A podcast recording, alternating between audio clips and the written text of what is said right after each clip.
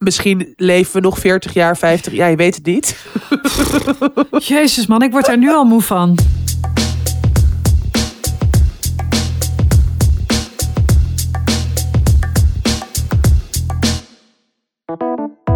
Hallo mensen en welkom bij weer een nieuwe aflevering van Tussen 30 en Doodgaan. Aflevering 92. 92, die 100 komt nu echt dichtbij. Ja, die 100 komt heel erg dichtbij. Gelukkig hebben we ontzettend goed nieuws om dat te vieren. Of Heel alvast leuk. een beetje te vieren. Eigenlijk Ja. heeft het niks met het aantal te maken, maar er komt wel echt iets heel leuks Er aan. komt iets heel leuks aan. Dat gaan we straks revealen. Oh, spannend. Ehm, we zitten op afstand, misschien goed om te benoemen, toch? ja, Ook al ik zit we in elkaar Antwerpen. nu eh, lekker door het schermpje heen. Ja, heerlijk. Ehm, ja, ik zit in Antwerpen. Jij zit in eh, Amsterdam. Eh, en eh, oké, in wat voor staat tref ik jou? Ehm, ik klink volgens mij echt heel raar. Ja, zo- denk je? Ja, ik heb gewoon het gevoel alsof ik heel nasaal klink. Maar ik heb enorme hooikoorts. En ook gewoon verkoudheid. Dus Mhm. ik weet niet, ik klink gewoon... Ja, ik, het voelt ook alsof gewoon mijn hele hoofd een soort opgezwollen is door het snot. Ehm, dus dat is mijn staat. Ah, En ehm, ik was even vanochtend naar de dokter om gewoon... Omdat ik toch... Ja, soms heb ik gewoon even zo hypochonder bui. En ah, dacht, dus je ging dood. dus ik dacht, volgens mij ga ik echt dood. En was zo vannacht over wakker gelegen. Toen ging ik naar de dokter en die ging Oh gewoon zo... nee! Ja, maar het is gewoon... Ik ben deze winter zo vaak verkouden, kwakkelend. Het blijft maar doorgaan. Het is natuurlijk ook nog steeds teringgrijs weer. En de lente laat op zich wachten, et cetera, et cetera. Maar ik dacht ineens, dit is gewoon niet goed. Dus ik naar die Oh. dokter. Nou, alles is prima. Natuurlijk. Oh, oh, Het is allemaal oh, oh. zuurstoftestjes en dingen gedaan. En dat is wel zo fijn dat ze gewoon nu ook met zo'n prikje en dan gewoon even een soort bloeddruppel en dan kunnen kijken wat voor of je een soort hoge infectie ehm, gehalte hebt, ja. En dus longen en zo, maar alles was helemaal goed. Dus ja, het is gewoon irritant, maar ik ga waarschijnlijk niet dood. Not anytime Oh. soon in ieder geval. Maar de- denk je dat zo'n eh speldenprikje bij bloed, denk je dat dat... eh, want het zou ook kunnen zijn dat ze dat gewoon doen bij mensen die, waarvan ze weten, oh, dit is zo'n hypochonder. Dat ze er gewoon. Nou, ik had een nieuwe, of tenminste een huisarts in opleiding, dus zij kent mij nog niet. Altijd fijn. Oh, je hebt je diploma nog niet. Nee, prima. Nee, is goed. Nee, maar ik, juist, ik heb juist het idee dat zij altijd een soort van meer doen dan gewoon de dokters die daar al forever zitten en die denken, oh, daar komt er weer eentje. Mhm. Ehm, dus zij ging ook echt, ja, gewoon zo heel lang voor en achter mijn longen checken en meerdere keren een soort van het zuurstofgehalte. En dat is ook weer met je vinger, moet je weer ergens anders in. Oh ja. Ehm, Waar en, moest je eh, in met je heel vinger? ja, in het, een ondefinieerbaar gat. ja, ze heeft zijn diploma nog niet. Ik dacht, ik doe het maar gewoon. Het zal wel een nieuwe methode zijn. Precies mijn mood vanochtend om half tien 's ochtends. Oh, maar wat Nee. heftig dat je daar dan de hele nacht van wakker ligt. Ja, maar het, ja, kijk, het is ook, ik ben volgende week jarig. Altijd, daar gaan we het straks nog over hebben. Maar dat is altijd zo'n moment. Ik, ik weet niet of jij dat herkent, maar ik heb altijd zo in de week richting mijn verjaardag. Dat ik gewoon en over allemaal dingen kan gaan stressen waar ik normaal gesproken niet over stress. En dat je gewoon zo überhaupt wat wankeler bent of zo. Gewoon een beetje zo. Ook moment voor reflectie. Nou, nogmaals, daar zullen we het straks, denk ik, rondom dit weekthema verder over hebben. Mhm. Maar gewoon, ja, dat ik gewoon niet helemaal lekker in de wedstrijd zit. Oh. Maar het is, eh, het is gewoon even zo, ja. Oké. Oké, ja, en hooikoorts is, echt, is ook echt een beetje sterven. Hè? Ik zag, eh, Ja. eh, ik was even op één aan het kijken en daar staat die Caroline van de Plas. ja. En die had dus ook last van hooikoorts, maar het, het leek alsof ze echt gewoon overstuur huilend aan tafel zat daar. Dus dat ja, maar het is gewoon, je hele hoofd wordt een soort van, ja, ik weet het niet. Een soort opgeblazen, rood, inderdaad traanogen. Je neus blijft gewoon. Ik had het ook al, ik was bij jou op bezoek deze week. Ja, Ehm, Laten we het daarover laten we het daarover. Ben je nog aan het bijkomen? Jezus Christus. Het was niet alleen mijn schuld. nou, Malou. Je bent- je bent vrij dwingend. Nee, het was niet alleen jouw schuld. Nee, zeker niet.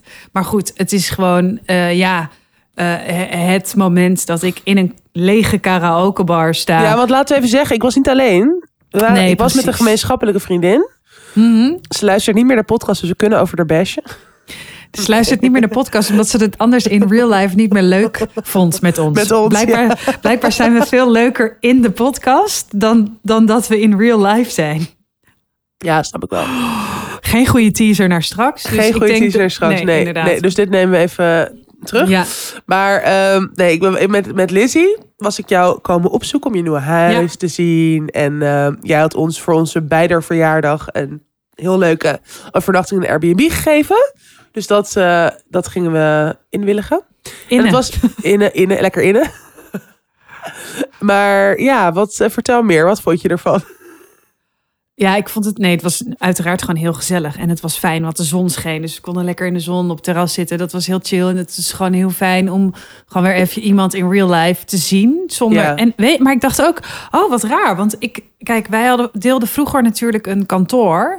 Dus dan spraken we elkaar eigenlijk dagelijks in real life. En nu, omdat we het allebei zo tering druk hebben en niet meer op dat kantoor zitten, Ja, eh, spre- spreken we elkaar eigenlijk bijna niet meer buiten de podcast. Maar we weten natuurlijk wel heel veel van elkaar. Omdat we wel alles eromheen bespreken. Ook voordat we de... Weet je wel, we doen ook Ja, altijd even... Oké, dit kan even niet in de podcast, maar... En dan precies. zeg, dus zeggen we dat we hele lelijke maar- dingen over vrienden en zo. En vooral jij.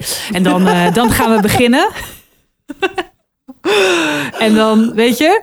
eh, dus we Ja. spreken elkaar wel Maar het was nu het heel gek dat natuurlijk opeens altijd- 24 uur in real life... ehm, Ja, ja, buiten Ja, de podcast en- aan het praten. En jij, jij kwam opeens zo halverwege het idee, eh, op het idee om eh, te gaan karaoke. En als Tatjana een idee heeft, dan dan ga je karaoke. Ja. Dus Zeker. Gelukkig had je je eh, nummer erbij aangepast en zong je I'm a bitch. Dus ja, ik heb er eigenlijk weinig aan toe te voegen. Maar jij hebt echt genoten en mensen kunnen nog het filmpje terugkijken waarin dat te zien is. Waarin je je, of echt, mijn eh, rug ziet of mijn hoofd in mijn handen. Dat is het enige wat er, dat is het enige wat er is persoonlijke. Instagram. Ja, Met de soundtrack van Friends eronder. Ja, perfect. ja, inderdaad. Erg genieten. Maar waarom? Oh ja, nee. Maar dat toen, toen, de dag erna zaten we bij jou aan het ontbijt. Ging je heel lekker eieren voor ons bakken. En nou, je was de perfecte host. En toen had ik gewoon al dat ik zo de hele tijd zo of tranen volle drupte. Of zo Ja. snot uit mijn neus. Ja, maar jij was ongeveer bang voor alles. Jij dacht ook, ik krijg een koortslip, ik krijg een koortslip. Ik, hoi koort, hoi koort. Uh, uh. Ik dacht alleen maar, Uber, Wat Uber. kwijt, ja. Zet die meid in de Uber. meid weg? Oh. Oké, en jij verder? Hoe gaat het? Nou, ik, eh, ja, oké, ik, heb, ik heb een verhaal. Ehm, ik werd gisteren eh, bericht door een docent van mijn oude middelbare school. En ik heb nooit les van haar gehad, maar eh, haar eh, vader is bevriend met mijn ouders. Dus zo weet ik een beetje van haar bestaan. Want haar vader ken ik ook. Die praat altijd over haar. En nou, het is altijd heel grappig dat zij les geeft op de school waar ik in heb gezeten, op heb gezeten. Ja. En ik heb een tijd geleden meegedaan. Heb ik me laten interviewen. eh, eh, eh, het boek Mijn MAVO. Eh, En daar zijn allerlei, allemaal BN'ers en ik, geïnterviewd over hun tijd op de MAVO. Ja. En even kijken hoe ik dit het beste kan insteken. ja. Ik heb daar dus verteld over mijn docent scheikunde, meneer Baudard. En meneer Baudard was kleurenblind. En ehm, eigenlijk ben ik daardoor eh, mijn centraal eindexamen heel erg goed ingegaan. Met iets van een 8 of een 9. En dat kwam omdat we altijd eh, met van die HEMA-stiften... gewoon alle formules op een blaadje konden schrijven. En dan vroegen we, hey, meneer Baudard, mogen wij een eh, kladbriefje... Eh, om de for- formules eh, eh, ja, gewoon op te rekenen. Ja, tuurlijk, tuurlijk vond hij dan heel goed, weet je wel. Ja, ja. Terwijl dat was eigenlijk stond dan gewoon, alle antwoorden stonden daar dan al op. Dus dat, dat had ik verteld. Dus eigenlijk heb ik dus, ja, maar ik weet dus niet of ik mijn diploma wel, nou, als ik was gesnaaid daar, daarmee, ehm, dan had ik waarschijnlijk mijn diploma niet ge- gehaald. En ook het feit dat ze niet hebben gemerkt dat ik heb gefraudeerd. Dus alles heb gespiekt is best wel dom, want ik ging met iets van een 8 of een 9 mijn centraal eindexamen in. Eh, en ik kwam eruit met een 5,5 of zo. Om, omdat ik daar dus Een een twee 2 of zo. haalde. Ja, precies. Een 2 haalde. Dus nou, eh, eh, 1 en 1 was toen ook al 2. Ja. Eh, zover was ik dan nog net in die les. Maar goed, ik heb mijn diploma gehaald. En in dat interview zei ik, eh, vertel ik dus over die meneer Baudard. En eh, daarin heb ik dus blijkbaar tussen neus en lippen gezegd, eh, omdat ik dat dacht, eh, volgens mij is hij overleden. Dus in dat boek staat, Oh nee, Malou. voelt me aankomen.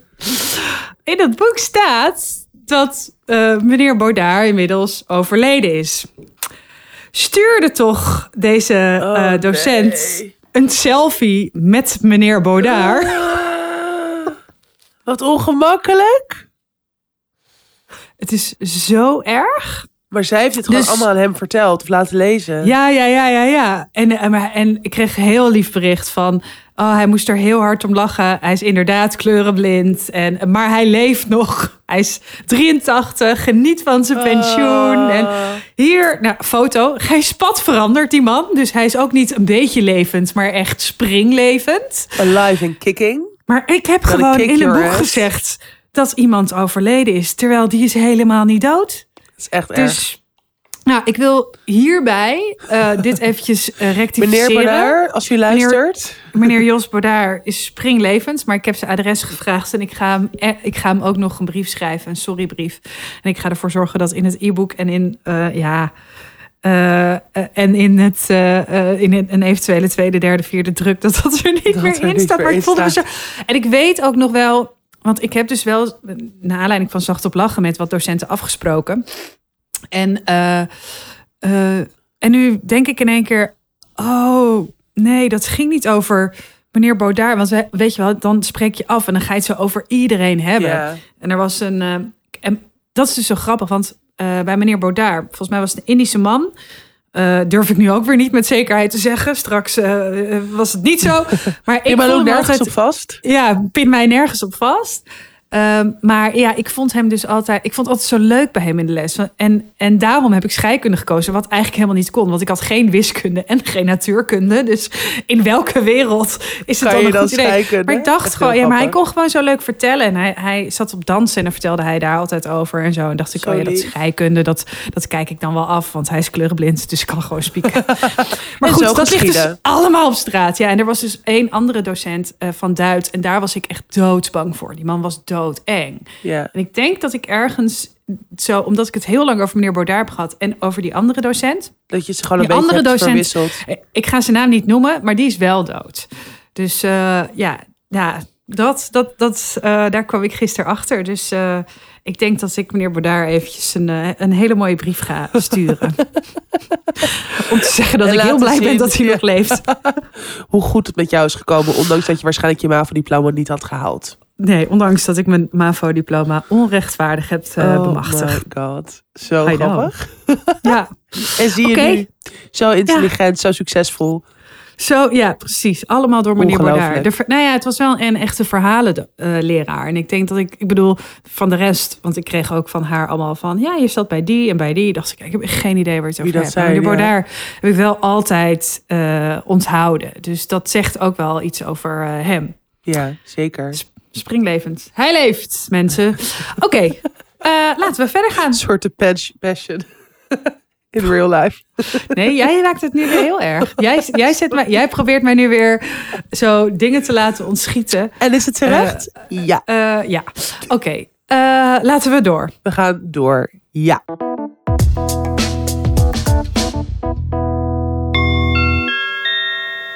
Your attention, please. This is an important announcement.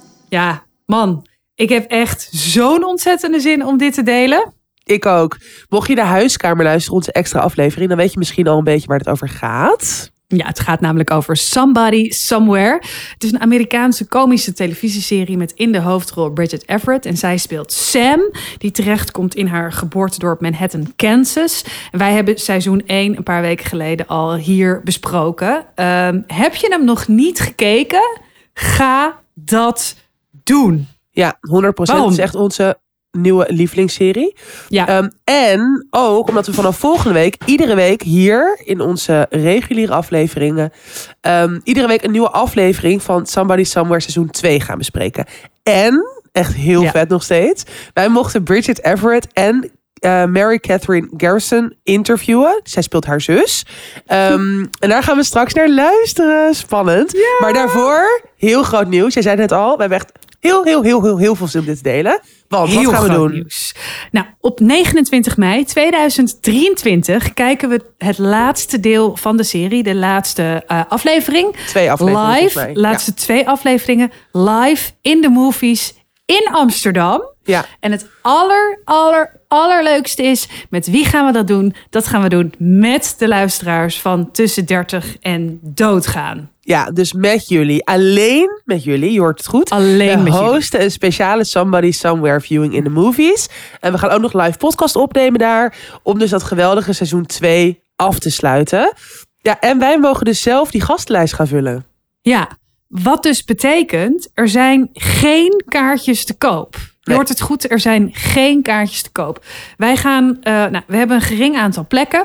Gaan we nog eventjes laten weten hoeveel precies. En wij gaan dit op een zo eerlijk mogelijke manier eh, doen. Dus wij mogen ja, gratis die gastlijst vullen. En eh, hoe we dat gaan doen, eh, dat laten we eventjes weten op onze Instagram. Dus volg je ons nog niet op Insta, ga dat eventjes doen. Want daar ehm, gaan we laten weten op welke momenten je kan inschrijven voor die gastenlijst. En ja, ik denk dat wij dan gewoon gaan loten. Dus, Ja, want ja, ik kunnen niet tussen jullie kiezen. We kennen jullie niet. Jullie Nee. kennen ons wel. En we willen jullie heel graag leren kennen. Maar daarin een selectie maken is natuurlijk super moeilijk. Dus we gaan dus echt proberen om dat op een zo eerlijk mogelijke manier te doen. Ja, dus En- volg ons tussen 30 en doodgaan op Instagram. En de komende weken komen er dus meerdere momenten dat we inderdaad die kaartjes gaan weggeven.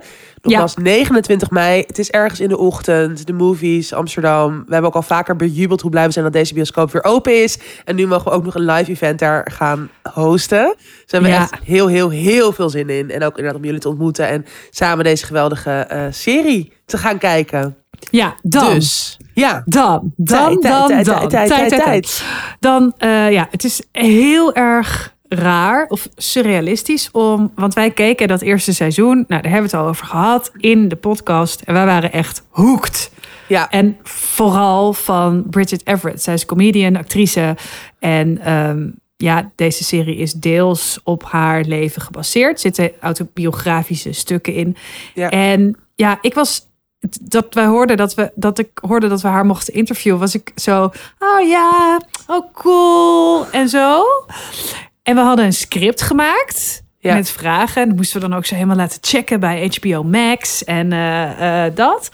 Eh, en toen werden we zo samen in, in die Zoom in de wachtrij gezet. Ja. En dan moet je wachten tot je aan de beurt bent. Ja, en dat was echt zenuwslopend. Dat was echt zenuwslopend. Alleen maar. Ik zo. Doe, doe, doe, Maar dat was natuurlijk ook in het Engels. En het was inderdaad gewoon... Nou, ik vind allebei die actrices Ja. of personen zijn geweldig. Ze, zijn ook, ze spelen echt in veel verschillende series, films.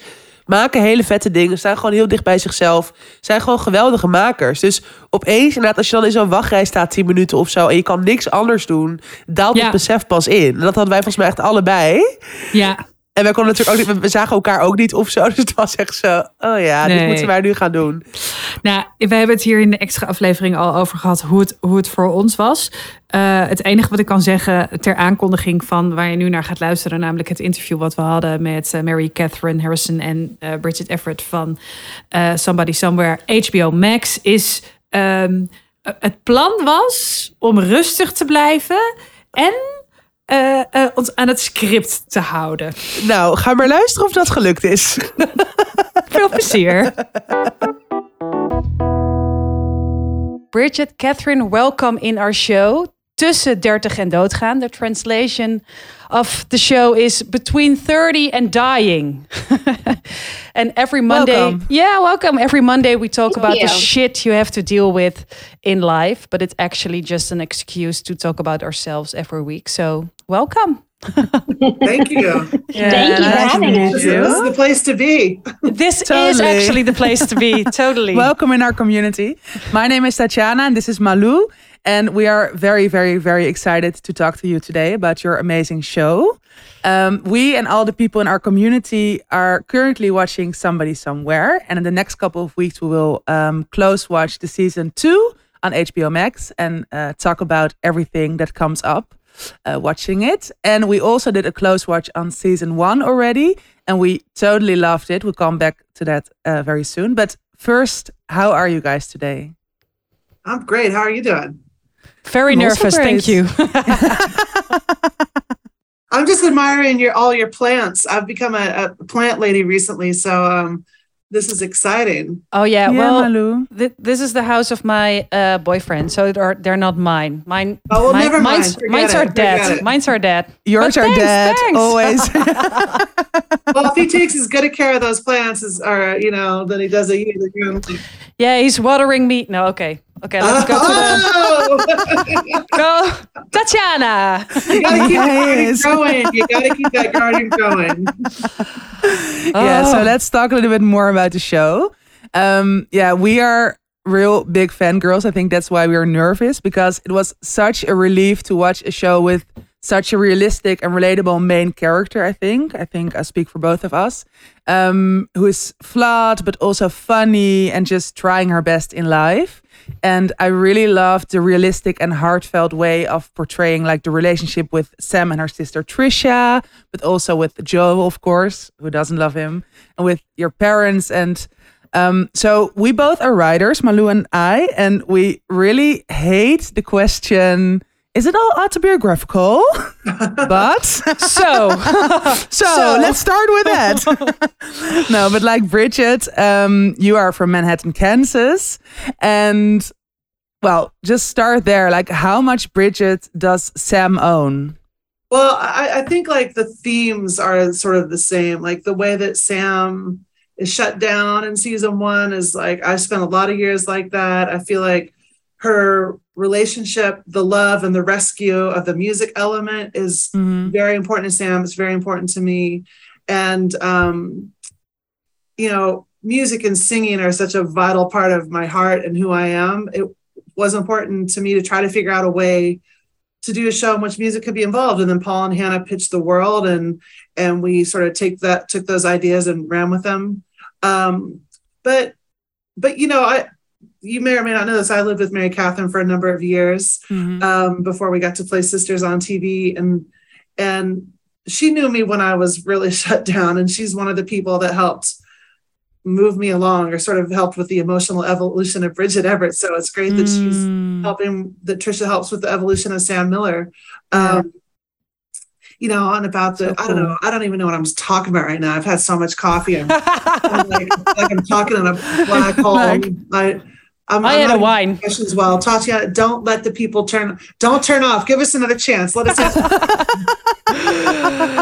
Well, I, I have a question for Love this. Catherine. Uh, your character's name is Tricia. She's the sister of Sam.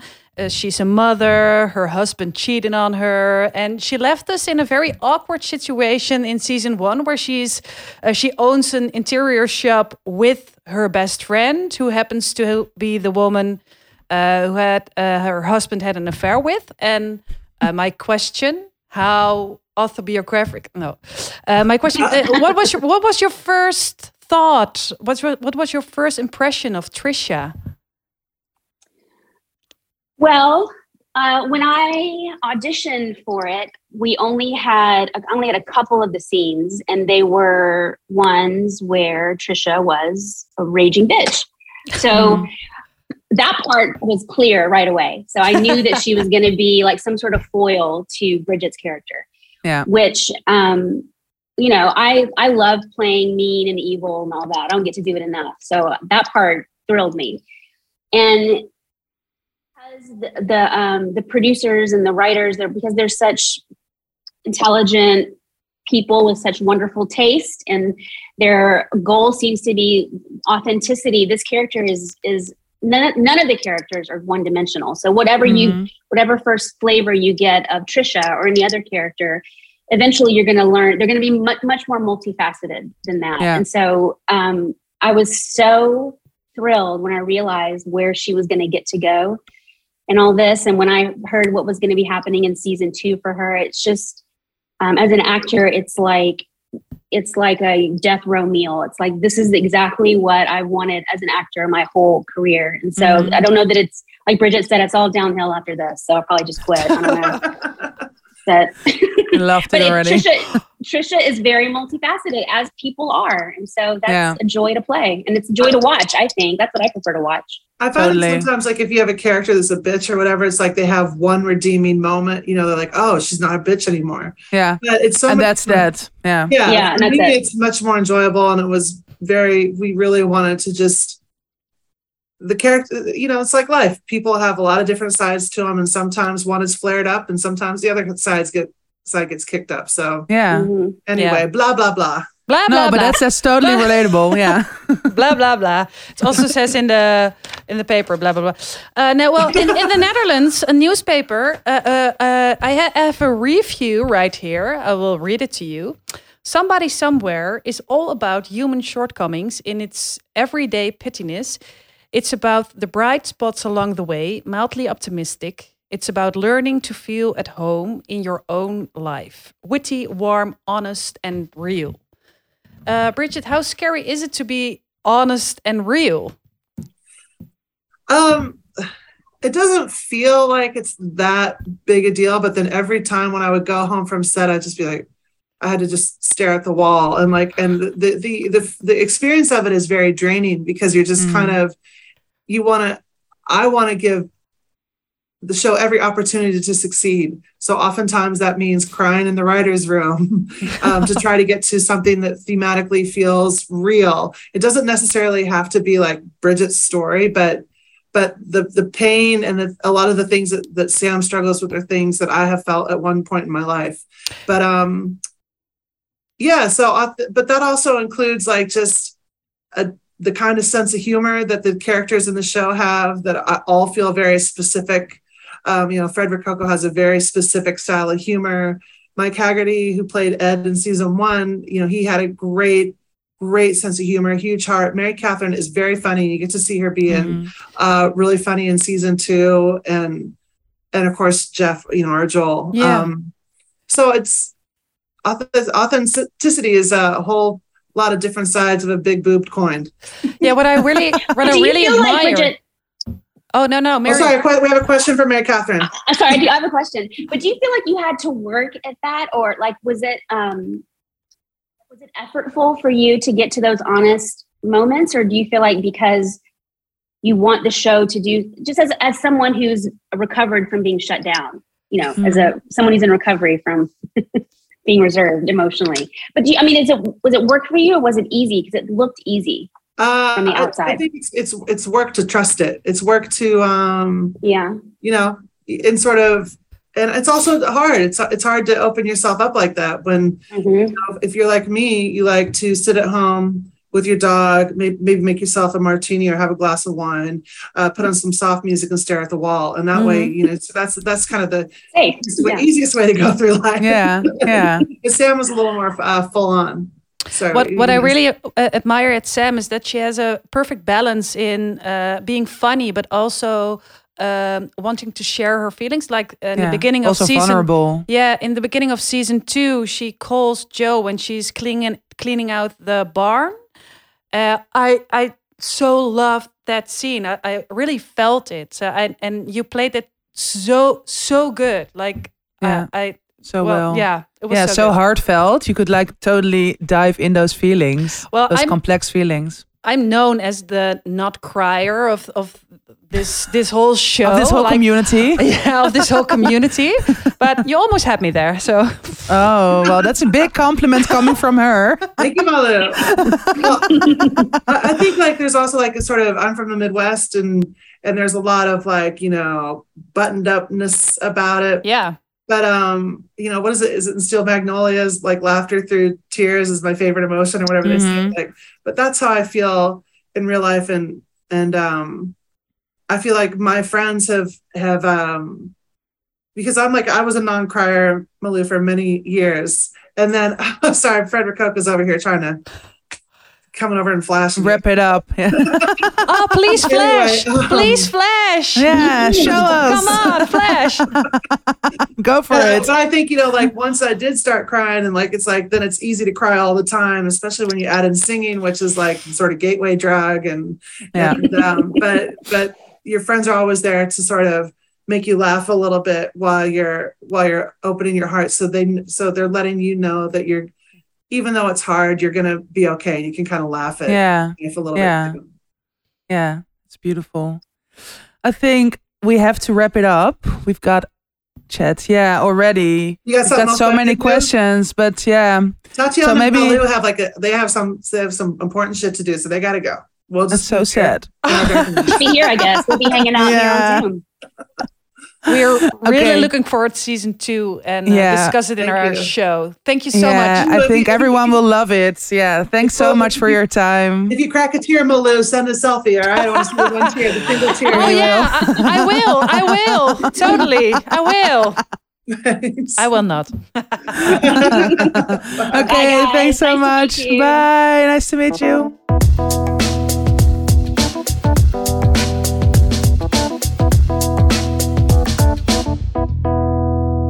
Het hoofdonderwerp. Het hoofdonderwerp. Hey, het hoofdonderwerp. De Nog steeds, nog steeds een beetje, eh, ja, de toekomst inderdaad.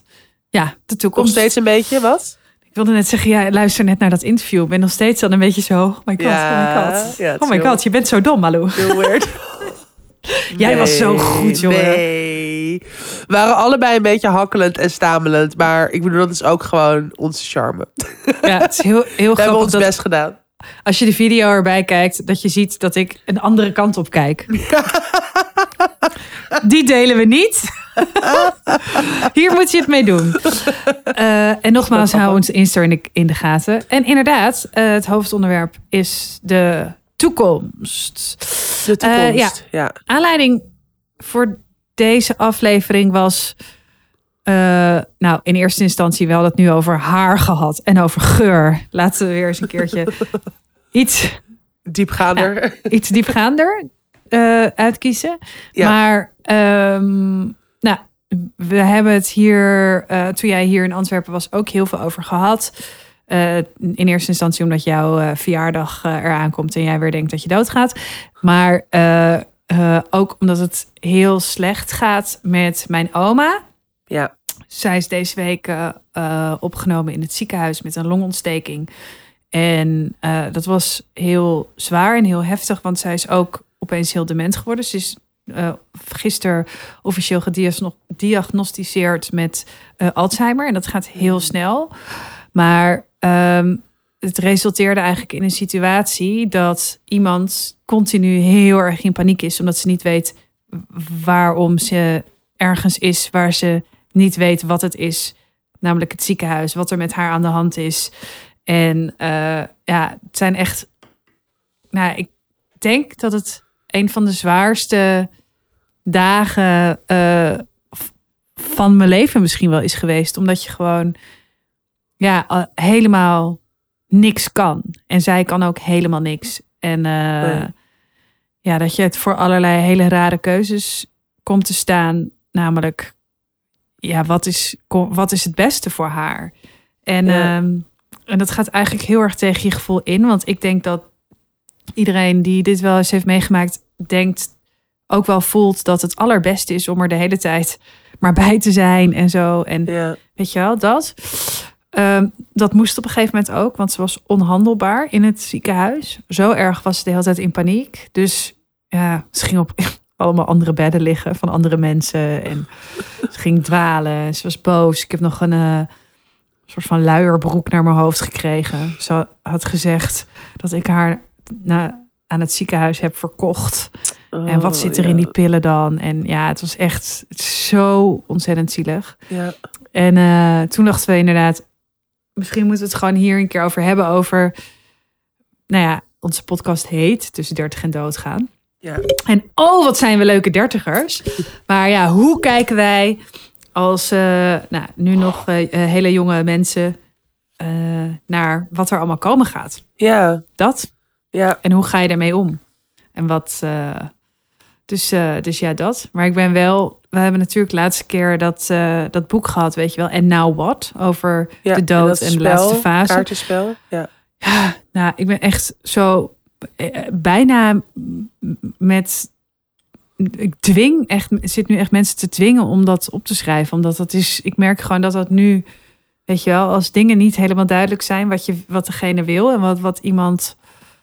Wat iemands laatste wensen zijn. En Ja. je dat er zelf moet beslissen, is dat zo moeilijk. ja, dat is eigenlijk Dus- gewoon niet te doen. Dus ja, dus we dachten, we gaan het er gewoon eh, eh, over hebben. Ja. Ja. Hoe eh, eh, heb jij ervaring met oude mensen? Of heb jij een voorbeeld? Heb jij een voorbeeld oud mens? Nee, ik heb eigenlijk ook... Mijn opa, die, had, oh, die was ook heel erg dement. En die heeft eigenlijk hetzelfde doorgemaakt als wat jouw oma nu doormaakt. Dus Mhm. hij ging gewoon op een gegeven moment... Dan was mijn oma aan het oppassen bij mijn neefjes in Bloemendaal. En dan, ging, en dan was hij thuis in Amstelveen en dacht hij... Oh, ik ga daar even naartoe. En dan ging hij gewoon op de snelweg fietsen. Omdat hij dacht, oh ja, dat kan wel. En gewoon ook op een gegeven moment lag hij in het ziekenhuis. En toen had hij allemaal infusie en die ging zo daaruit trekken. en gewoon helemaal niet meer... Precies, gewoon echt dat je gewoon merkt van... Je hebt gewoon geen idee meer eigenlijk wie je bent. Of weet je wel, hoe je leven eruit zag. Of wat een soort redelijk gedrag is. Mhm. Nou, daar hadden wij het ook over in Antwerpen. Dat je echt inderdaad als een soort kind Ja, terug verandert naar een kind of zo. En dat alle mensen om je heen dan opeens voor jou moeten gaan zorgen. En dat is gewoon zo'n gekke gewaarwording. Ehm, maar het andere voorbeeld dat ik bijvoorbeeld heb is mijn oma. Die is overleden aan een hartstilstand in de auto. Eh, en dat is dan weer zo dat het mega abrupt is. Maar Ja. eigenlijk bij hen allebei, ze hadden allebei heel weinig ehm, dat ze bezig waren met. Terwijl ze, ja, ze waren. Nou, opa was echt best wel jong, die was begin 70. En mijn oma was begin 80 toen ze doodging. En Mhm. dus, maar niet heel jong, weet je. Dus dan zou je wel verwachten dat zij misschien daar meer over na hadden gedacht. Maar dat, Ja. ja. dat was gewoon niet zo. Ehm, en eh, nou ja, mijn moeder die had het ook helemaal niet. Die was natuurlijk echt wel echt jong, jong. Maar wij moesten inderdaad ook haar begrafenis of zo. Hebben wij gewoon allemaal met ja, vrienden van haar. En dan vooral ik als oudste kind. Dat we dat gewoon allemaal zelf een soort van hebben moeten eh, bedenken en invullen. Maar ook Mhm. haar laatste levensfase of zo. Of haar laatste levensweken. Die waren ook gewoon... Ja, ze lag al aan de morfine. Maar ze had gewoon helemaal niet nog iets daarover aangegeven of opgeschreven. Dus dat zijn eigenlijk al mijn voorbeelden. Dus dat zijn niet echt per se leuke of fijne voorbeelden. Ja. En ik, eh, nou, bij mij was ook wel, waren mijn werden mijn ogen wel geopend door dat boek van Barbara van Beukering ook over. eh, je, je doet het. Je kunt het maar één keer doen. Of je doet het maar Ja. één keer. Ja, sorry, ik weet nu even de titel niet. Maar dat gaat dus over eh, ja, sterven of ook inderdaad laatste levensfases. En dat wat zij daar heel erg in betoogt is van... Kijk, iedereen gaat dood. Of iedereen komt op een gegeven moment, of dat nou vroeg of laat is... in die laatste levensfase. En bij sommige mensen natuurlijk ook anders... als je wel een ongeluk krijgt of, of zoiets. Maar als je Mhm. gewoon ouder wordt... dan kom je op een gegeven moment in de laatste levensfase. En dan heeft het... Ja, het zegt gewoon er zo... Het ja, hoe zeg je dat nou? Ik denk dat het altijd moeilijk is om zelf afscheid te nemen van het leven. Of om zelf een soort acceptatie te vinden in ik ga binnenkort sterven. Of het is mijn laatste levensfase. En natuurlijk ook voor de nabestaanden. Maar ik denk dat voor allebei de kanten het heel erg kan helpen als je hier dus wel over nadenkt. En nou, hier heb ik het natuurlijk ook al heel erg over gehad in die aflevering over de dood. Maar dat je Mhm. hier op een meer open manier mee bezig bent. Met elkaar het gesprek aangaat. Maar ook voor jezelf. Dat je gewoon... Maar dat is fucking moeilijk. Want ik, ik zou dat ook niet weten hoe ik dat zou moeten doen. Jij Ja. wel? Ben jij op die manier er mee bezig van... Nou, ik heb er, ik heb nu, eh, ik merk dat mijn moeder daar opeens zo heel. eh, mijn moeder heeft het dus zelf geregeld. Dus die, eh, en die gaat dat ook opschrijven. En die heeft nu besloten dat ze één iemand aanwijst. En die mag voor haar beslissen. Eh, en dat wordt ook straks gewoon door notaris en huisarts en zo vastgelegd. Dus als Ja. zij, zoals mijn oma kan nu niet meer voor zichzelf beslissen. Zij kan dat niet meer. En Nee. eh, mijn vader vertelde dat eh, ze, moest nog iets, zij moest nog iets tekenen voor het huis. Ja, of ergens bij, bij een notaris of zo. Of voor haar nieuwe woning. En toen eh, had mijn vader gezegd: Je moet hier even je handtekening zetten. Teken hier maar. En toen tekende ze een wolkje.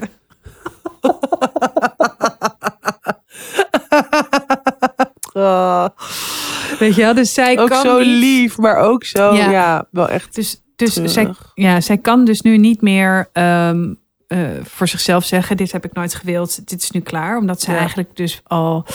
Nou, volgens mij moet ze al binnenkort naar de rechter, omdat ze nog één handtekening voor haar moeten hebben. eh, omdat zij dus niet meer ja, handelingsbekwaam is. Ja. Ehm, ze vertelde dus ook, dat was dus ook wel weer eh, grappig. Want ik, het was echt, het was hartverscheurend. Ik ging naar haar toe in het ziekenhuis en ik eh, ging met mijn opa. En nou, weet je wel, zij was die nacht daarvoor uit huis gehaald en naar het ziekenhuis gebracht. En toen eh, zat ze daar en wij kwamen binnen. En eh, ik dacht alleen maar, ik, ik kan me best wel heel groot houden, want ik ben van steen en ik heb geen, eh, geen binnenkant. Maar als je dan zo je opa binnen ziet lopen en dan tegen je oma zegt: Hey meisje. Oh ja. Nou, daar zat ik al, oh, weet je wel zo. En zij was soort zo heel lief van, ja, eh, ge- geniet er maar lekker van, hè? Zei ze de hele tijd. Geniet er maar lekker van. Dat is heel gek. Ehm, en ja, ik weet niet meer waar dit verhaal naartoe gaat. Sorry, ik ben het even kwijt. Maar het was Ja, iets Het van is- verhandelingsbekwaamheid. Ja. Ja.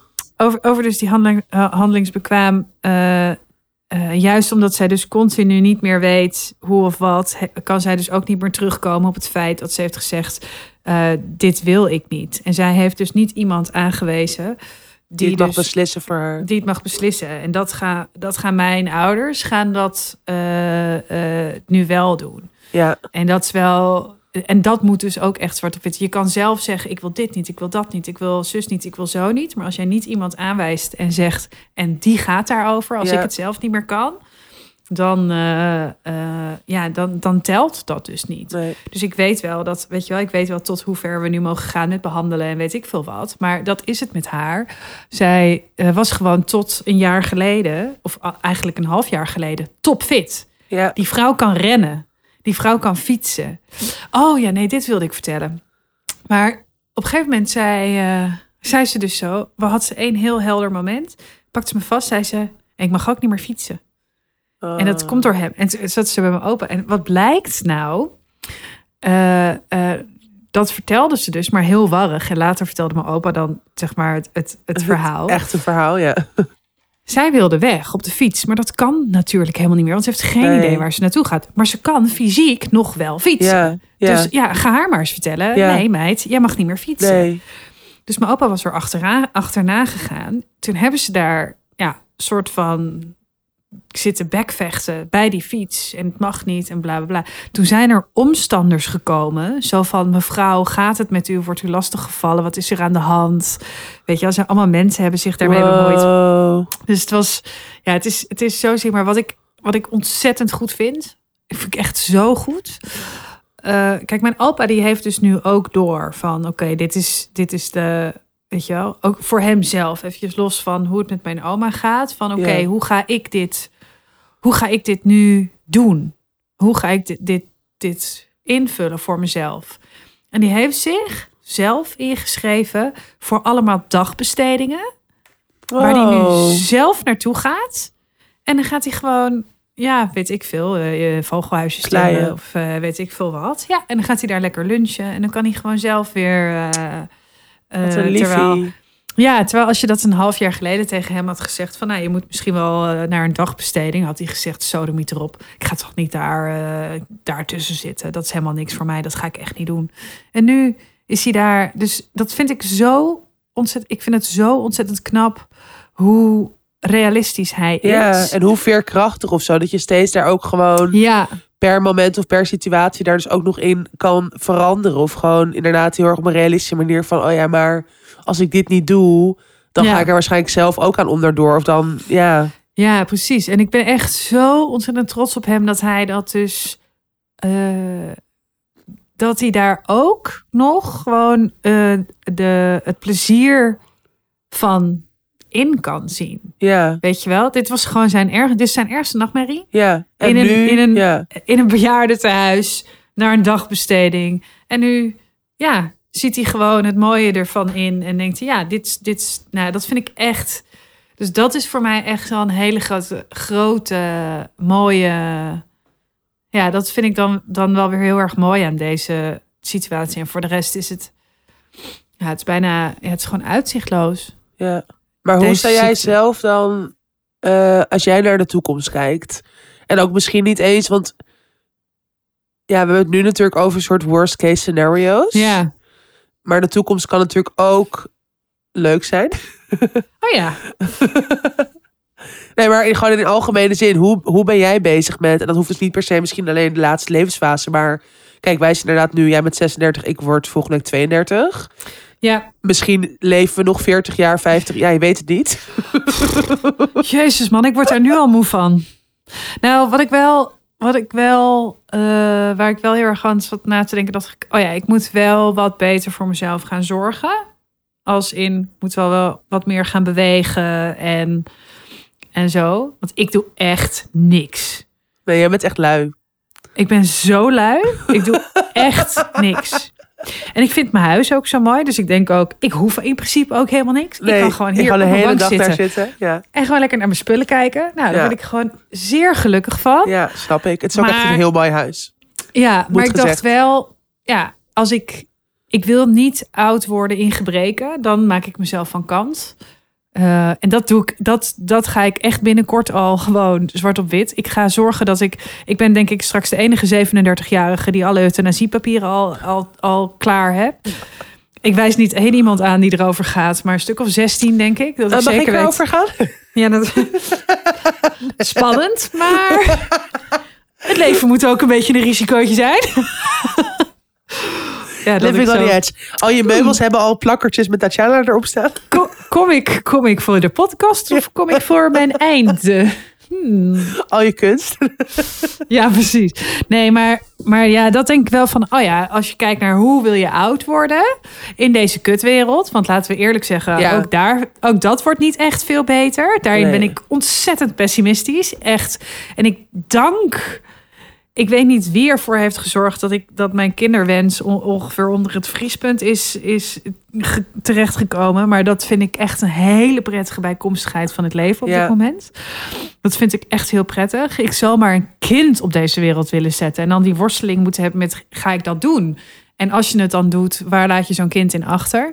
Dus ja, ik denk dat eigenlijk mijn, mijn taak nu is om eh, he- heel goed voor mezelf te gaan zorgen. Echt wel iets beter voor mezelf te gaan zorgen. Zodat, zodat dit, dit prachtige lijf het, nog, eh, eh, eh, het voorlopig nog eventjes gaat doen. En aan de andere kant denk ik, ja, ik heb een vriend van 13 jaar ouder. Als hij er niet meer is, vind ik er ook geen reet meer aan later. Dus ik bedoel, ik kan ook wel wat jaartjes voorlopen op de natuur. En jij? Oh mijn god, zo'n zwartgallig mens. Ja. Ja, maar het is ook wel heel, gewoon. ja, het is wel heerlijk overzichtelijk. En eh, ik vind dat een eigenlijk een heel rustgevend toekomstbeeld. Ja. Nee, Ja. dat is het ook wel. Ja, Eh, ja, ik, ik, eh, ik schipper gewoon tussen heel veel verschillende gedachten hierover. Want ik, nou, ik merk dus nu, dat heb ik dus altijd voor verjaardagen eigenlijk. En ik, ja, dat ik gewoon zo heel erg bezig ben met, oké, wat is er afgelopen jaar allemaal gebeurd? Waar sta ik nu? Waar ben ik naartoe? Nou, dat soort ideeën. Ehm, en ik merk gewoon nu dat, zeg maar, mijn afgelopen twee verjaardagen waren gewoon echt heel leuk. En ook best wel licht of zo. Omdat Ja. ik toen, toen had ik net dat boek geschreven, had het die rouw doorheen gegaan. En nou, ja, toen kwam ik weer in mijn tweede puberteit terecht. Dus ik was gewoon alleen maar een beetje aan het feesten en aan het drinken. En oh, het leven is eigenlijk best wel leuk. Corona was voorbij vorig jaar. Soort van. Eh, dus dat was toen heel erg mijn moed. En nu merk ik echt zo van, oh ja. Eigenlijk, ik ben net, net met die EMDR begonnen. Relatie is uitgaan, abortus voor. Weet je, allemaal best wel grote dingen. ja. Ehm, en dat ik gewoon, ja, het gaat wel oké, maar ik vind ook heel veel dingen gewoon best wel lastig. Omdat ik gewoon merk van, oh ja, ik zit nu weer in zo'n soort. Waarschijnlijk ga ik me dan over een tijdje weer veel beter en lichter voelen. Maar dat is nu gewoon even niet aan de hand. Ik zit nu gewoon Nee. in best wel weer een soort pittige verwerkings-ontwikkelingsfase. En ja. Ja, daarin heb ik dan ook niet per se heel erg zin in de toekomst. Dat ik inderdaad gewoon echt een soort hele eh, bright future voor me zie of zo. Maar dat is gewoon het fucking leven. Je weet gewoon niet welke kant het op gaat. Er kunnen zoveel dingen gebeuren waar je gewoon helemaal geen controle over hebt. Ehm, en dat vind ik aan de ene kant, kan ik dat dus ook juist best wel bevrijdend vinden. Van ja, doe maar gewoon je best en eh, geniet maar zoveel mogelijk van de dingen die wel leuk zijn of die wel goed gaan. Of de kansen die je krijgt. Ehm, en soms kan het me ook gewoon heel erg benauwen. Dat ik denk van, oh ja, maar fuck. Weet je wel, komt er wel weer een tijd die gewoon leuk en mooi en goed en fijn is. Ja. Uh, en wat jij zegt, ik, ik, ik, ik trek het ook niet om echt over aan de toekomst te denken over 10, 15, 20 jaar. Met die klimaatcrisis, uh, nog geen pensioenopbouw als ZZP'er. Mijn moeder die oh, natuurlijk vroeg vreselijk. dood is gegaan. Dus ik heb ook niet per se dat ik heel erg geloof in... oh, ik word echt vet oud of zo. Dat is dan toch ook een soort bijgeloof dat je denkt... oh ja, Ja, maar... precies. Waarom zou ik nu 300 euro in de maand apart leggen voor iets als wat ik misschien ook al om de 55ste dood ga, you. Ja, Ja, dus dat is ook, want die kant zit ook wel in mij. Oh, ja, maar- dat ken ik ook wel, ja. Ja, dat is gewoon zo. Ja, jij hebt natuurlijk ook met heel veel vrienden die vroeg dood zijn gegaan. En Ja. dat je gewoon, als je gewoon al op jonge leeftijd met de dood te maken krijgt, met naasten. Ja, ik heb bijna geen één persoon die dan echt heel erg bezig is met, oh ja, ik word 70 of 80 of zo. En dat, dat gaat mijn leven zijn. En misschien gebeurt het wel, maar ja, en ik denk ook, kijk, waarschijnlijk zijn we dan allemaal klimaatvluchtelingen. Hoe goed je dat nu ook doet. Toch? Ja, ja, precies. fucking ik eng. denk- fucking Ik denk dat jullie eerst, eerst allemaal bij mij komen wonen op één hoog Ja. in Antwerpen. en daarna, Jouw grootste eh, nachtmerrie. Je huis delen ja, met al je vrienden. Je moet niet eens dat er nu één iemand komt logeren. Vreselijk, vreselijk. Ehm, moeten we het nog over de harde plas van Lizzie hebben? Nee, grapje. ik zeg dit alleen omdat zij had gezegd... oké, ik ga maandag wel weer luisteren. ja, Lizzie, we Ja, hebben je gewoon horen pissen. En ze was even panisch over... Jij hebt inderdaad een wc die gewoon niet echt eh, afgesloten is. Ja, het is niet dat hij midden in de alles. woonkamer staat... maar nou, ik heb een open badkamer. very close. Very close. Maar eh, eventjes terug naar jou. Wat ik er wel over kan zeggen, eh, is dat ik het heel erg herken dat eh, toen ik EMDR had, dat ik echt eigenlijk ontoerekeningsvatbaar was voor de zin van het leven. Ja, Gewoon, nee ja, serieus. Dat ik dacht, ik wist ook wel, ja, ik zit in een soort van. eh, ik wilde zeggen tussenin mens, maar dat is de titel van een boek van eh Sarah ja Neutkens. Sarah maar, Neutkens. Echt een goede eh, titel. ja, hele goede titel. Maar volgens mij ben je dat op dit moment eventjes. Volgens Ja. mij ben jij dat nu. Je Ja. hebt eventjes, want je zit niet in je eigen realiteit. Je zit in, in, je bent iets, inderdaad wat je zegt, je bent iets aan het verwerken. En je bent, eigenlijk ben je, dus als je niet bij die EMDR bent, ben je bezig met dat aan het opslaan in een ander deel van je brein. ja, Dus dat je even helemaal geen zicht hebt op eh, wat er in het hier en nu, laat staan de toekomst, Toekomst, eh, eh, gaat afspelen. Ja, whatever. Mag ik eerst even het einde van de dag halen, alsjeblieft? Toch? ja. Nee, ja, makes sense. Ja, nee, dat is wel zo. Maar dat is ook gewoon fucking frustrerend. Ja, Want je wil gewoon natuurlijk, en dat, dat is natuurlijk ook heel erg waar we het ook al vaker over hebben gehad, maar gewoon in onze samenleving. Je bent toch altijd bezig met een soort vooruitgang en met. En ook, want dat is, dat is gewoon het hele eh, paradoxale daaraan. Ook nou, als deze aflevering online komt, eh, ben ik mijn nieuwe boekcontract aan het tekenen.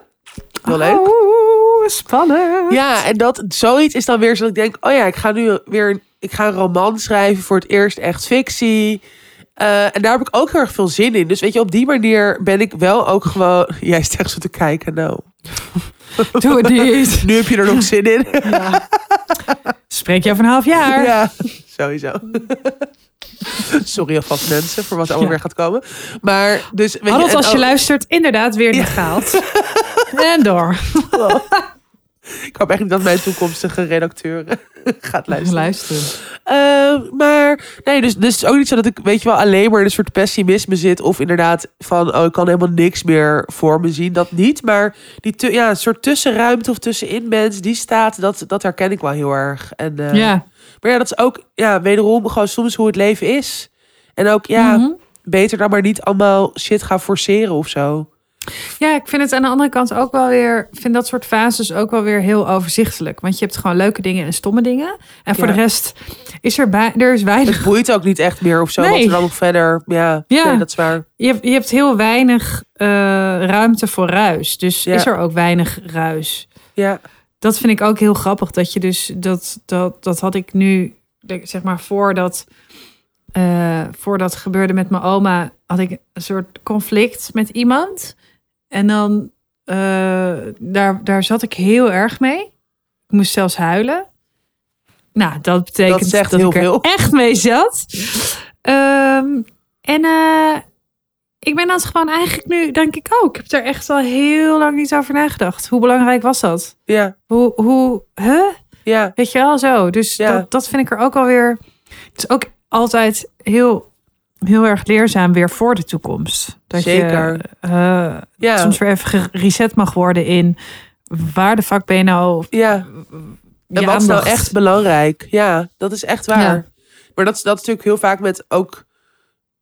Ja, bijvoorbeeld inderdaad als je ziek bent geweest. Of ook bijvoorbeeld een depressie of een burn-out. Maar ook inderdaad met dit soort dingen. Wat er dan gewoon in je leven gebeurt. Wat heel erg belangrijk is. Bijvoorbeeld met jouw oma, oma Ja. nu. Maar inderdaad ook als je weer zo'n nieuw therapieproces. Het zijn gewoon inderdaad allemaal... Ja, het brengt je gewoon weer even terug naar een soort basis van... Oh ja, maar dit is wat ik echt belangrijk vind in het leven. Dit is hoe ik me eigenlijk echt voel over dit soort dingen. Ja, Ehm, en dat is inderdaad ook ja, mooi.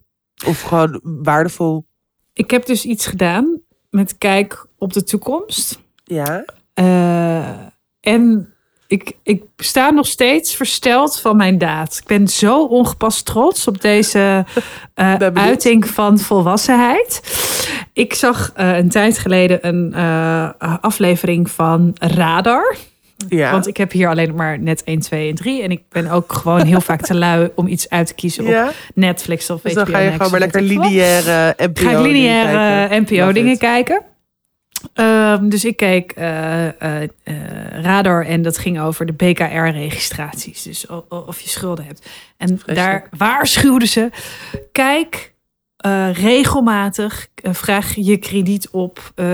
hoe je, weet je wel, vraag je registratie op, zodat je weet wat, hoe je er voor staat. Want soms, als jij bijvoorbeeld een keertje iets niet betaalt, eh, je vergeet dat en je krijgt eh eh, aanmaning op je oude adres, ik zeg maar wat. En Ja. dan, dan creëer je dus een schuld. Er zijn dus heel veel mensen die niet weten dat ze een schuld hebben. Ja. Van een telefoonrekening, van Ja. een we- weet ik veel wat. Of van. ehm, maar ik ben natuurlijk een keer, ooit een keertje heb ik gezeik gehad met een of andere oplichter. Waardoor het leek alsof ik heel lang geen huur had betaald voor een huis waar ik niet in woonde. Maar goed, anyway, anyway. Ik dacht in één keer, ik moet kijken of ik niet BKR geregistreerd sta door Ja. dat geintje. Want zo'n BKR-registratie blijft, blijft ook vijf jaar staan. Dus Wow. Weet je? En ik dacht, ja, straks wil ik binnen deze vijf jaar een keertje wel eh, een huis kopen. Omdat eh, mijn volgende boek een bestseller wordt. En ik opeens eh, allemaal duizenden euro's op de bank heb waar ik niet van weet. Heerlijk. Je weet Ja, weet je wel, dat realistische beeld. Dus toen heb ik mijn BKR gecheckt. Maar is Wow. dat niet Het toppunt is van toch- volwassen zijn. en een toppunt van voorlopen op eh, voorlopen op de toekomst. Dat als ik in de toekomst misschien een huis zou kunnen kopen, dat ik dan eh, weet of ik eh het BKR kan. geregistreerd. nou, ik ben dus echt tering failliet. Nee, ik heb overal schulden. Geen idee. Drie ton Nee, dat- schuld? Yeah. Nee, maar ik vond het echt spannend. En, ik, en nu ben ik zo, ik ben zo ongepast trots hierop. Het slaat nergens op. Ik ben echt Een kinderhand is gauw gevuld. precies Vooral bij Malou echt een heel, heel sneu persoon eigenlijk. On that note, Dat. op naar de Oké, toekomst. op naar de toekomst. We hebben er zin in. Soort van.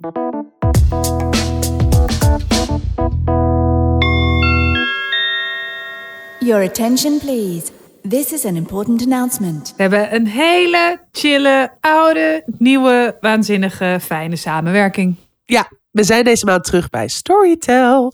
Het platform met meer dan 350.000 verhalen. In luisterboek en in e-boekvorm.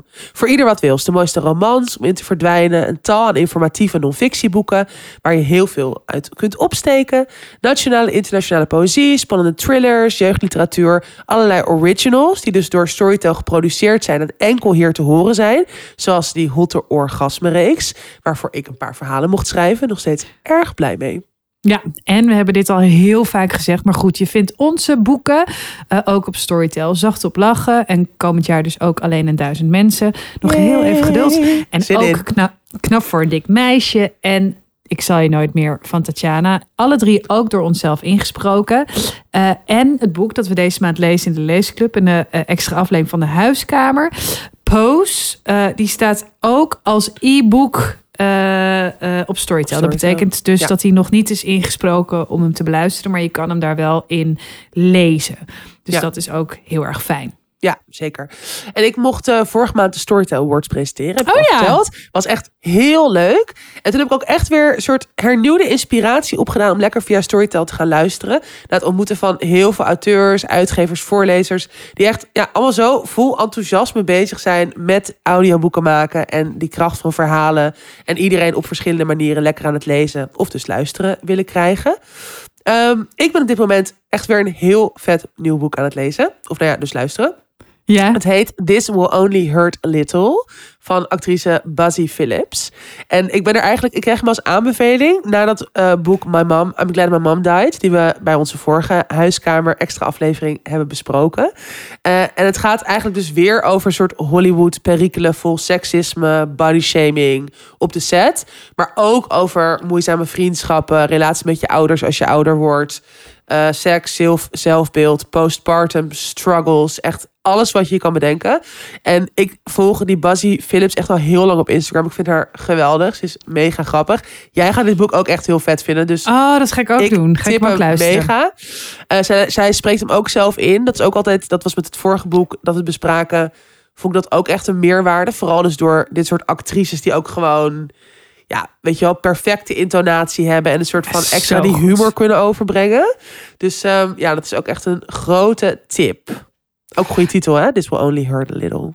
Ja, dat is een hele goede nice. titel. Ja. Ben jij nog iets Eh, aan het luisteren op het moment? Ja, ik ben bijna klaar met eh, de geschiedenis van mijn seksualiteit. Want ik Oh ja. eh, heb dat boek gekocht van Toby Lakmaker. Ehm, ben ik toen in begonnen, maar ik was toen zelf aan het schrijven en werd er heel onzeker van. Maar ik was wel heel erg, ik wil gewoon, ik vond het heel grappig en zo. Heel Dus- grappig. ja, het is echt ontzettend grappig. En nu was ik aan het wandelen en toen dacht ik, oh ja. En toen ben ik dat lekker gaan luisteren. En het is Oh, heerlijk. Het is zo grappig. Het is zo ontzettend Ja, goed zo geschreven. scherp. Het is nog steeds heel intimiderend. Ja. Omdat ik natuurlijk nu aan het afronden ben. Maar ik, ik kan, het, kan het hebben. Ik kan het niet hebben. Ik kan het wel hebben. Eh, ik kan het nauwelijks hebben, maar ik kan het hebben. Dus eh, Het is ja, gewoon zo goed dat je door wil Ja, luisteren. Dat is het gewoon. dat. Dus, en het is fijn. En ik, ik hou nu wel van even wat, ja, iets wat kortere boeken. Eh, ehm, ik zag dat het boek van Stephanie Hogenberg ook weer op Storytel nu staat. En die is ook, dat is echt gewoon een lekker boek dat je in twee dagen he- hebt uitgeluisterd. En ehm, heb ik nu met dit boek ook gewoon lekker. Even heel fijn tussendoor, even ontspannen, even naar buiten, de zon in. Ja. Daar moet ik me nu echt toe zetten. Eh, omdat ik natuurlijk eigenlijk gewoon alleen maar wil doorwerken en moet doorwerken. Dus ik moet verplicht dan van mezelf eh, eventjes naar buiten. En Ja. dan zet En ik gewoon een boek in je oren. een hoofdstuk. Ja, je ziet ook heel vaak hoe lang een hoofdstuk nog duurt. En dan denk ik, Oh oké, ja. ik dan, dan ga ik dit hoofdstuk luisteren en dan Ja. ga ik weer verder. Dus het is ook wat, ja, ik heb grenzen nodig. Dat weet je. Anders Alles afgebakend. Nou, dat is Ja, perfect. precies. Dus eh, nou, Nou. zoals je geno- horen, genoeg tips om los te gaan op Storytel. Via onze persoonlijke link, story.tel slash dus 30 en doodgaan, kun je 30 dagen gratis luisteren in plaats van de gebruikelijke 14 dagen. Ja. Eh, om het om echt even goed het aanbod te checken en alvast eh, onze boeken te luisteren in ieder geval. Eh, we posten de link uiteraard in onze show notes. En hij komt ook nog eventjes voorbij op onze. Instagram. Ja, lekker dus- luisteren allemaal. Of dus in e-book vorm eh, via Storytel. Kan allemaal. Enjoy.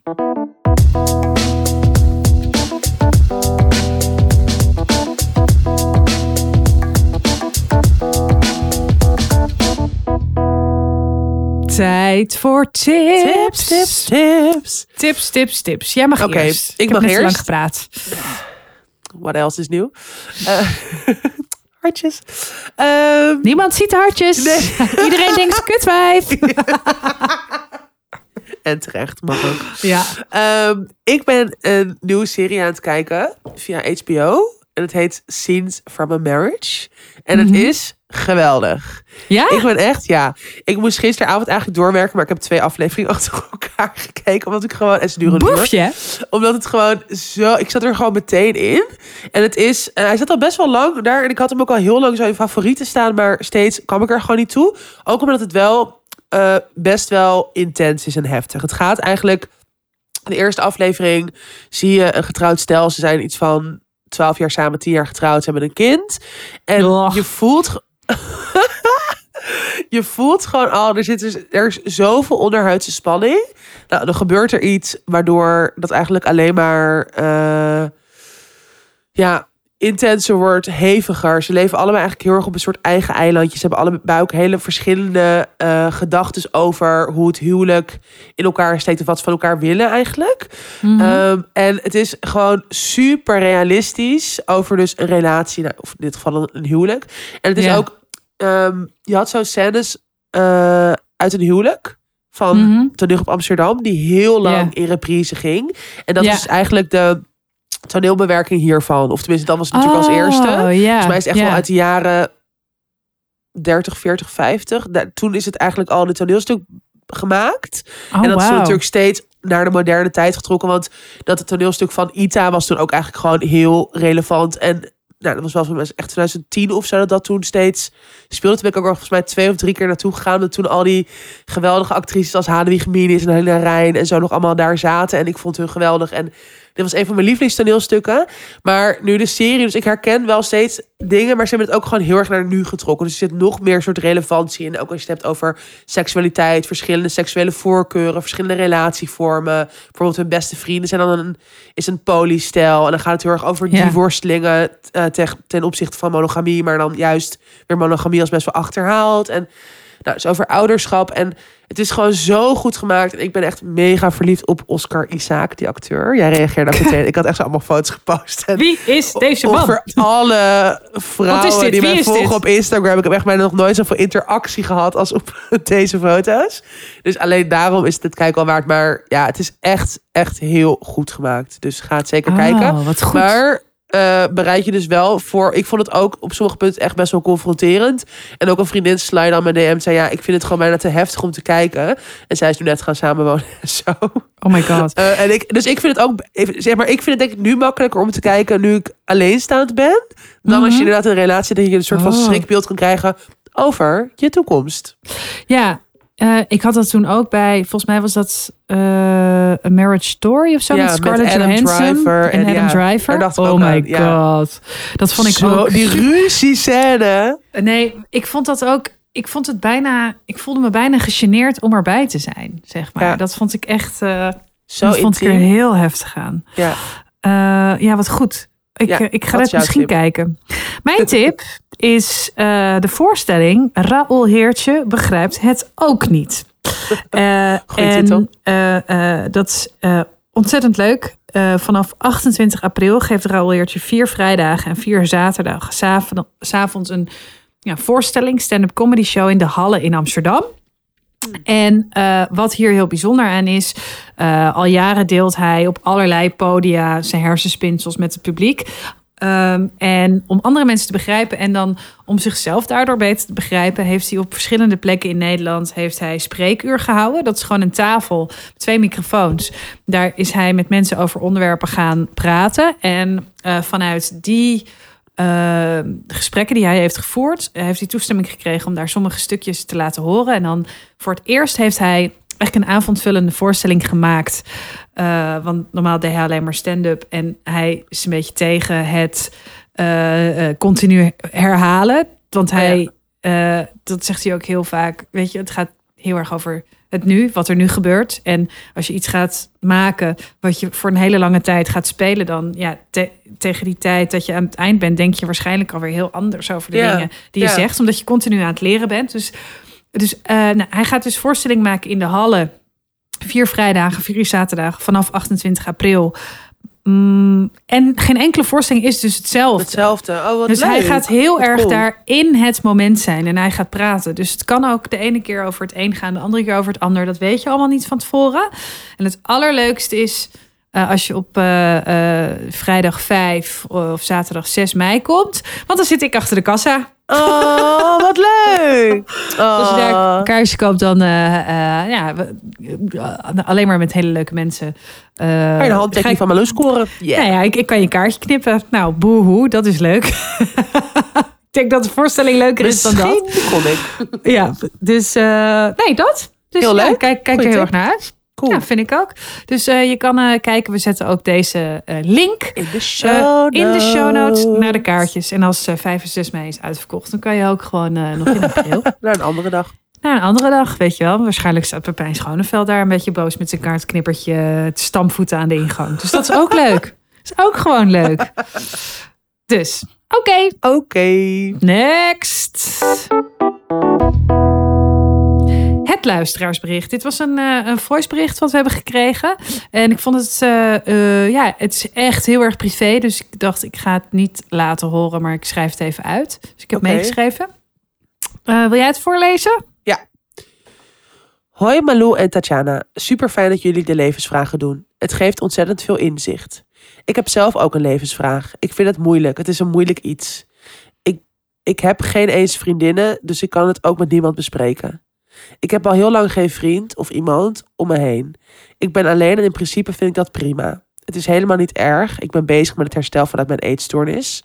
Ik ben mentaal erg hard aan het werk. Ik heb dus geen vriend en al een hele lange tijd geen seks gehad. Ook niet met mezelf. Ik weet niet zo goed hoe ik dat moet doen. Ik heb er geen behoefte aan, ook niet aan masturbatie of iets. En soms droom ik wel over een man of mensen die ik ken. Ik ben daarin heel preuts, ook naar mezelf toe. Ik weet dan ook niet of ik een vriend of man zou krijgen of überhaupt wil. Daarom voel ik me een ontzettende Einzelganger of eigenlijk iemand die helemaal niet sport. Ik weet het gewoon niet, wat ben ik voor een rare iemand, wat moet ik hiermee? Ik zou het wel willen, ook met mezelf, maar ik weet niet hoe ik, het moet, hoe ik moet beginnen. Ik mis soms wel gewone dingen die je met een vriend kan doen. Ik weet niet hoe ik er weer om moet gaan. Hebben jullie tips? Ja. Staat nog, ik voel me zo vreemd en raar. Ja, Ik hoop dat jullie me niet raar vinden. ja Eh, maar eh, dat, ja, wij vinden ja. je niet raar. Nee, helemaal niet. Ehm, dit was een heel lang bericht. Dus ik heb eventjes geprobeerd de hoofddingen eruit te halen. En Ja. misschien om heel even toe te voegen... want ik merk dat ik dat misschien niet goed heb opgeschreven... dat ze, ze, ze fantaseert wel eens over dingen die je zou kunnen doen... Met, als je een vriend hebt. Dus, maar dan hele normale dingen, zoals boodschappen... of weet je wel, dat, dat lijkt haar dan wel leuk. Nou, ten eerste denk ik dat je helemaal niet raar... Nou, ik, ik vinden wij je sowieso niet raar. Maar ook wat je omschrijft, dat je gewoon graag alleen bent. Ja, het wordt natuurlijk niet... Weet je wel, de maatschappij vertelt je heel erg dat, dat wij zulke groepsdieren zijn... en eh, eh, dat, dat je sociale contacten nodig hebt. Maar er zijn gewoon mensen die daar gewoon helemaal niet zo lekker op gaan. En Nee. die, daar bestaan er heel veel van. Ja, Eh, en ik denk dat, dat, dat het ook wel een beetje aansluit dat op wat jij zei. Dat, dat ook als ze zegt, weet je, ik ben ook nog ergens met mezelf aan het werk. Ze vertelde ook daarin dat ze eh, eh, heel veel aan het, weet je, dat het ook wel een proces is wat al jaren zo is. Dus dat waarschijnlijk ook altijd zo blijft. Dus eh, dat ze ook niet weet of dat proces, tenminste, ik kreeg het idee dat ze ook niet weet of dat proces uiteindelijk stopt en dat het dan beter gaat en dat ze dat dan wel, maar meer ook van, ja, hoe, hoe nu? Eh, Ja, dus volgens mij wil ze denk- wel vrienden, ja. maar is dat lastig? Ja, en ik denk ook nog eerst even op dat, over dat proces. Ik denk, ik herken het ook heel erg van toen ik nog heel erg in een eetstoornis zat. Dat ik ook dacht, het gaat nooit beter worden. En Mhm. dat, eh, dat kan wel echt, en daar kan, daar kan echt gewoon een hele grote verandering in plaatsvinden. Natuurlijk is dat voor iedereen anders, maar dat, eh, nou, dat om toch gewoon even mee te geven, toch een soort sprankje hoop. En Ja, ik herken ook heel erg, ik was natuurlijk best wel een beetje zo begonnen met daten. Maar ik ben er nu eigenlijk ook even mee gestopt, omdat ik ook merk, ik heb daar gewoon helemaal geen ruimte voor, omdat ik gewoon inderdaad met dat therapieproces bezig ben. Dus dat ook voor opgesteld. Het is denk ik helemaal niet raar dat je eh, ja, daar misschien gewoon heel weinig ruimte in voelt. En dus ook misschien minder behoefte aan hebt. Omdat je gewoon zo erg gefocust bent op je eigen gestel en gezondheid en mentale gezondheid. Mhm. Maar wat inderdaad hier ook wel in doorklinkt, is dat ze er wel soms wel behoefte aan heeft. Of inderdaad over fantaseert. Mhm. En ik denk, ja, dus ook misschien kijken of dat dan dus echt gaat over een romantische partner. Of dat het dus mis- misschien meer vriendschap is. Hier wordt natuurlijk ook wel vaker over gehad, toch? Over gewoon Ja. nieuwe mensen ontmoeten. En ook Nou, ik een denk beetje in dat onze levensfase dat het soms moeilijker lijkt. Maar dat er ook echt wel verschillende opties in zijn. Wat wil Ja. jij zeggen? Nou, ik denk dat wat ook zo is, is dat. eh, kijk, je hebt, je hebt hier eigenlijk een soort van twee dingen. Het gaat en over seksualiteit, dus over het hebben van seks, of over, ja, weet je wel, eh seks met jezelf, solo Ja. seks, eh, dat. En je hebt eigenlijk het hele sociale aspect hierin. En eigenlijk zou je het allebei heel graag willen dat je het wil, Ja. zodat je er iets mee kan doen. Maar voel je ook bij sommige dingen niet helemaal eh, de behoefte. En ik denk dat we die twee dingen eventjes goed los moeten trekken. Ja. En dan kunnen behandelen. En ik denk dat als het gaat over het sociale aspect, dat er heel veel manieren zijn. Want ik, ik heb natuurlijk even naar, heel goed naar het bericht geluisterd. En je kan Ja. jezelf heel goed verwoorden. En heel goed vertellen hoe je je voelt. En misschien omdat wij toch ergens een soort van anoniem zijn of ehm, eh, ver, iets verder van jou afstaan. eh, dat het daardoor voor jou makkelijker was om tegen ons te praten, want dat was minder kwetsbaar. Dus je zou bijvoorbeeld ook, eh, en wij kunnen je op zich wel daarbij helpen, omdat wij natuurlijk gewoon de mailbox hebben tussen 30 en doodgaan at gmail.com. eh, bijvoorbeeld iemand kunnen zoeken waar je af en toe mee zou kunnen schrijven. Weet je wel? Om, Goeie. om dat te kunnen, eh, te kunnen oefenen. Kijk, ik schreef vroeger heel veel brieven en e-mails. Ik had een vriendin in, eh, in Schotland. En, eh, en ik vond dat heel fijn. Ja, eigenlijk wel. Dat is volgens mij best wel helemaal door de komst van DM en alle social media. Is dat best wel een beetje vervlogen. Maar soms is het ook wel fijn om gewoon daarmee te beginnen. Zodat je ook kan kijken van... hé, hey, wat zijn mijn behoeftes? Wanneer voel ik me fijn bij iemand? Wat zou ik graag met iemand willen delen? Voordat je een keertje eh, ooit met iemand zou afspreken... voor een wandelingetje of een kop koffie. En dat Ja. gaat dan echt alleen over vriendschap. Ik denk dat dat een super goed idee is. Dus mocht je dat willen, laat het even weten. En mocht je nou luisteren als luisteraar van Tussen 30 en Doodgaan... en denken, oh, ik zou het super leuk vinden... om eens in de zoveel tijd eventjes eh, eh, eh, met iemand iets te willen delen via Ja, mail, mail. of voice memo's of zoiets. voice memo's of nummers uitwisselen of zo. Ja, laat het eventjes weten. Want dan kunnen we jullie met elkaar in contact brengen op een veilige manier. Ja. En eh, kunnen we even Instagram doorgeven of zo. Maar dat gaan we nu niet. We gaan, gaan haar niet zo openbaren. Nee, natuurlijk Dus ik niet. denk- nee, en dan kan je gewoon- ja. Ja, kan je een beetje zo bij jezelf gaan ontdekken van... Nou, hoe voelt het om op, op regelmatige basis een keertje iets met iemand te delen? En dan kan je Ja. zelf eigenlijk steeds denken van... Nou, misschien, weet je wel, kunnen we een keer bellen of inderdaad een voice memo. Of misschien kunnen we een keer een kop koffie drinken. Ehm, en ik denk dat eh, het juist heel erg goed is dat je je uitspreekt hierover.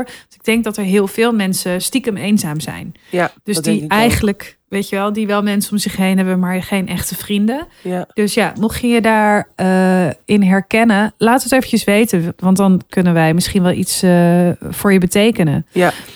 En, En over, ja, Ja, jij. nou, over seksualiteit, over dat een beetje ontdekken. Ik denk dat eh, eigenlijk solo seks eigenlijk ja, een heel fijn en ook weer veilig en misschien iets makkelijker begin daarin is. Ook al geef je ook zelf aan dat je dat ook moeilijk vindt, dat je daar ook niet altijd per se behoefte toe voelt. Ik moest meteen denken aan ehm, onze vriendin van de show, Daan Borrel Mhm. heeft rond het schrijven van haar eerste boek Soms is liefde dit best wel veel geschreven en ook gemaakt rondom zelfbeminning. En daar heeft ze ook op haar Instagram-account, gewoon Daan Borrel, dan kan je tussen haar filmpjes kijken, heeft ze een hele soort eh ja, videoserie waar ze ook verschillende mensen in interviewt, maar ook zelf praat over ja, zelfbeminnen. En dat kan leiden tot solo seks, maar dat kan ook erover gaan dat je gewoon soort van je eigen lichaam gaat aanraken, gewoon jezelf een beetje gaat masseren of gewoon ja, een soort van. Het heeft heel erg te maken met kijken naar meer in je lichaam zakken. Kijken waar je behoefte aan hebt. En dat kan dus leiden tot meer seksuele gevoelens, maar dat hoeft niet eens. Nee. En eigenlijk is dat misschien ook wel iets. Je kan er ook gewoon naar googlen. En nou, nogmaals, in haar eerste boek schrijft ze hier ook over. En het, heeft, het komt heel erg voort van het Taoïsme. Dat is een beetje, volgens mij, filosofische, spirituele eh, stroming. Dus dat is ook misschien wel iets wat je een beetje kan ontdekken. En we hebben natuurlijk ook die samenwerking met Get Cheeks gehad. Een eh, meer vrouwvriendelijk, ethisch eh ja, porno-platform of, of Ja. seksplatform. Waar je ook heel erg eh, veel informatie hebt ja, over verschillende seksuele voorkeuren of wensen of behoeftes. Dus dat is misschien ook nog wel iets om gewoon. En helemaal niet vanuit het idee van oh, ik moet nu heel veel gaan masturberen of dat moet het doel zijn. Maar misschien omdat je ook zegt van ik weet gewoon niet zo goed waar ik moet beginnen. Zijn Ja. dit gewoon best wel fijne ingangen om een beetje op een soort laagdrempelige manier ja, je, je, je gedachten misschien überhaupt of je gevoel misschien weer iets meer naar die seksuele kant eh, te krijgen. En misschien dat je dan alsnog voelt van ook ik heb hier nog steeds geen ruimte voor. En dit is weer iets, net als wat jij zei met sociale contacten. In onze maatschappij gaat het ook heel erg veel over nog steeds die norm veel seks hebben of willen. Dat is een soort van goed of daar zou je moeten komen of dat gun je iedereen. Terwijl ja, er zijn ook mensen die überhaupt aseksueel zijn. En mensen die een veel lagere seksdrive hebben dan anderen. En dat is ook helemaal oké. En Mhm. dat heeft ook weer te maken met verschillende fases in je leven. Of dus inderdaad, of je in een heel intens therapieproces zit. Of zoiets. Dus daar ook maar gewoon lief in voor jezelf zijn. En jezelf niks forceren. En eh, ik denk dat dat bij alles het allerbelangrijkste is. En misschien als het eh, te direct is om eh, jezelf aan seksualiteit te koppelen, als je daar nog niet aan toe bent, dan zou je ook kunnen kiezen voor inderdaad de, die orgasme op Storytel. Weet je wel, dat je Ja. fictie, erotische verhalen op fictie, dus of de boeken van Damn Horny, waar jij, Tatjana en ik zelf ook verhalen in hebben geschreven. En die verhalen zijn ook heel erg inclusief. Ja, Dus die gaan ook heel erg over ehm, de vrijheid van seks. Maar daarin kan jij misschien wel de vrijheid voelen om je ehm, eerst met iemand anders te identificeren eh, als het gaat over seksualiteit, voordat je jezelf eh, de vraag gaat opleggen: wie ben ik? Wat is mijn seksualiteit? En misschien merk je ook dat door bijvoorbeeld naar die verhalen te luisteren of naar die filmpjes vandaan. Of dat je gewoon, ja, dat, er, dat, je iets, dat je gewoon een soort geilheid voelt. En weet je, vanuit daar kan je dan gewoon weer verder kijken van oké, wat doet dat met me? En Malou is helemaal weer ongemakkelijk omdat ik het woord geilheid in, in, in de mond neem. Enorme ogen zie ik op een schermpje. Precies. Ehm, nou, als je net zo ongemakkelijk bent als Malou, hoef je ook niet te schamen. Mag er ook allemaal zijn.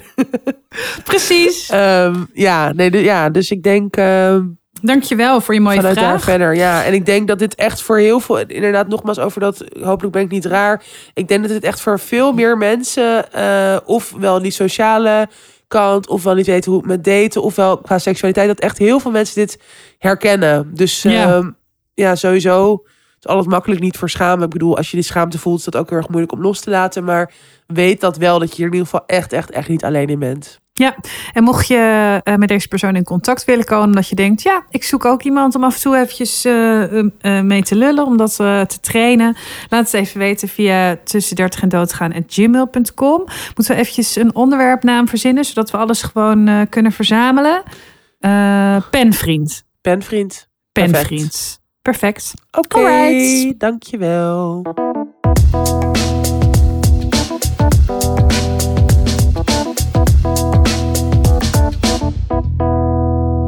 Dit was Dit hem weer. was hem, de 92e aflevering van Tussen 30 en Doodgaan. Ik hoop dat jullie net zo hebben genoten van het eh, interview met Bridget Everett en eh, Mary Catherine Hersen als wij. Als wij, ja. Of dat jullie denken, Wat wauw, fuck meiden. dude, Gaat het wel goed met jullie? Het gaat wel goed met jullie. Wij willen gewoon die serie kijken. Ook Ehm, helemaal oké.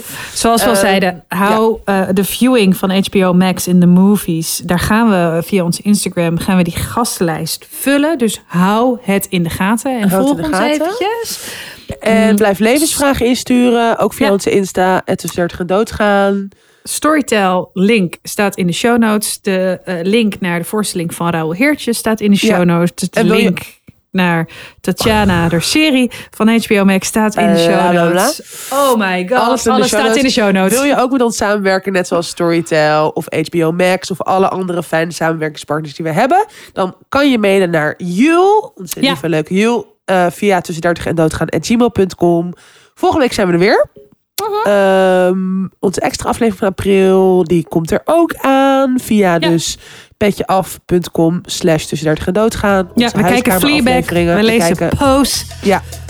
En we gaan veel meer persoonlijke details delen, zoals altijd. Heel veel juice, yeah.